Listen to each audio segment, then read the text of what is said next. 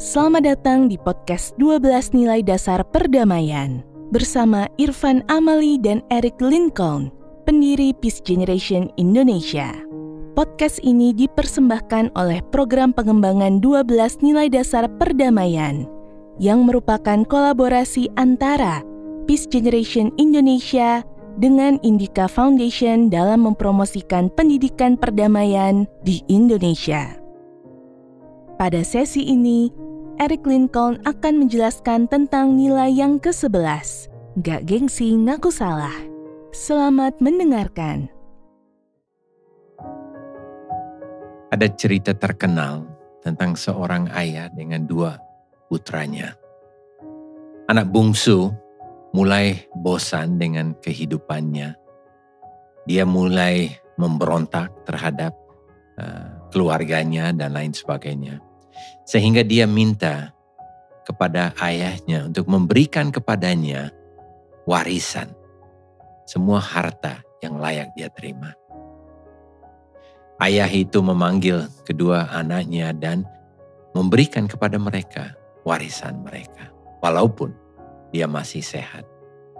Anak bungsu itu bawa warisan dan keluar dari rumah dan pergi ke tempat jauh dengan segala macam maksiat dia habiskan semua harta yang diterimanya. Sampai negeri yang di mana dia tinggal mengalami kelaparan besar. Dia harus pergi kerja di tempat orang di kandang babi.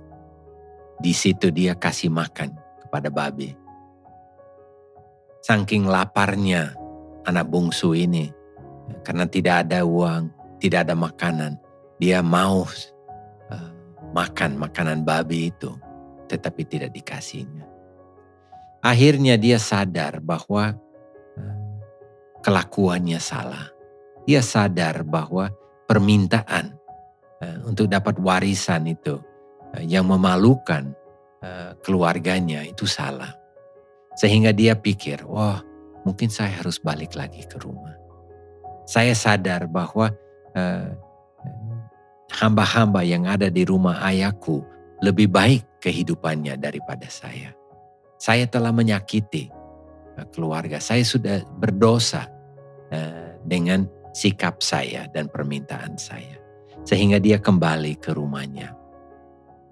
Saat dia masih jauh dari rumahnya, ayah melihat dia, lari memeluk dia dan terima dia kembali.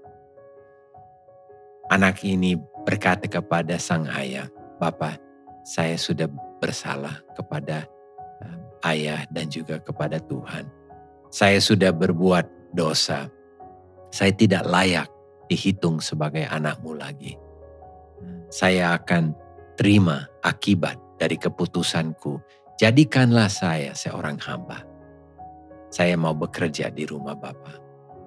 Tetapi ayahnya memeluk dia sambil menangis berkata tidak. Kamu akan saya terima kembali karena kamu telah hilang, tetapi saya dapatkan kamu kembali. Nah ini cerita tentang bagaimana minta maaf, bagaimana mengakui kesalahan yang sesungguhnya.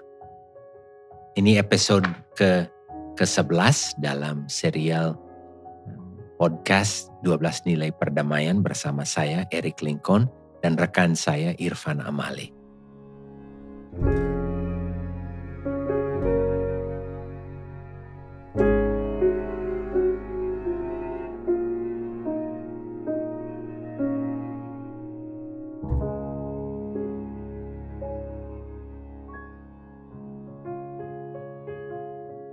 Tidak gampang untuk mengakui kesalahan.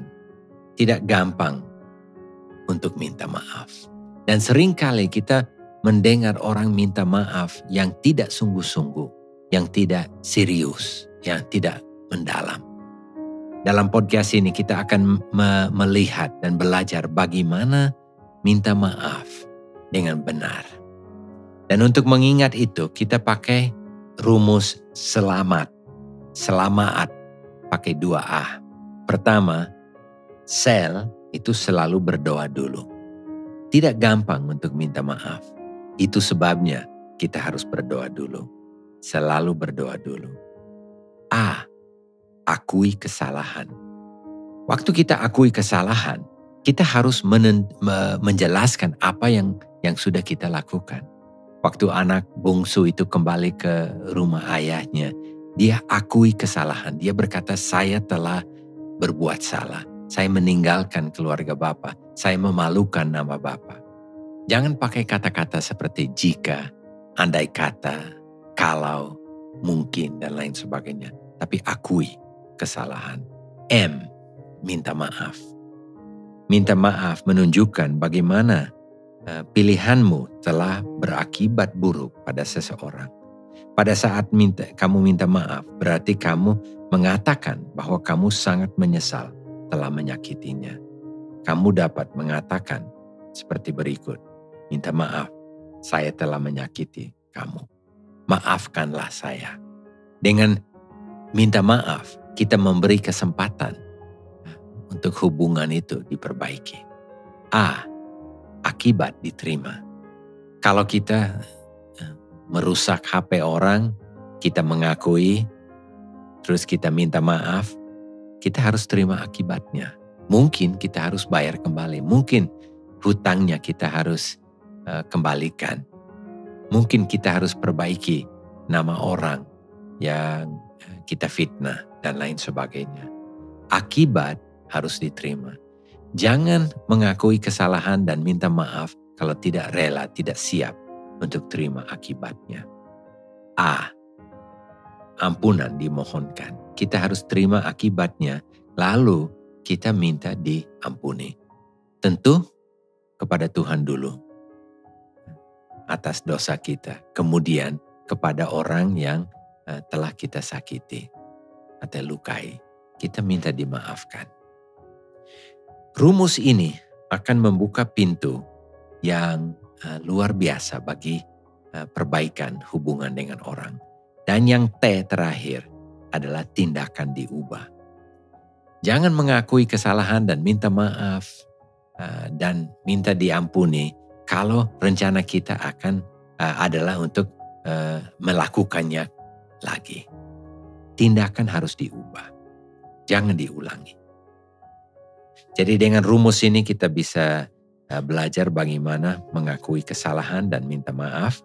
Rumusnya selamaat, selalu berdoa dulu, akui kesalahan, minta maaf, terima akibatnya, memohon ampunan, dan tindakan diubah. Semoga dari podcast ini Anda belajar untuk uh, minta maaf sesungguhnya uh, dengan sungguh-sungguh dan akan buka pintu bagi memperbaiki hubungan dengan sesama. Terima kasih telah mengikuti serial podcast 12 Nilai Perdamaian bersama saya Eric Lincoln dan rekan saya Irfan Amali.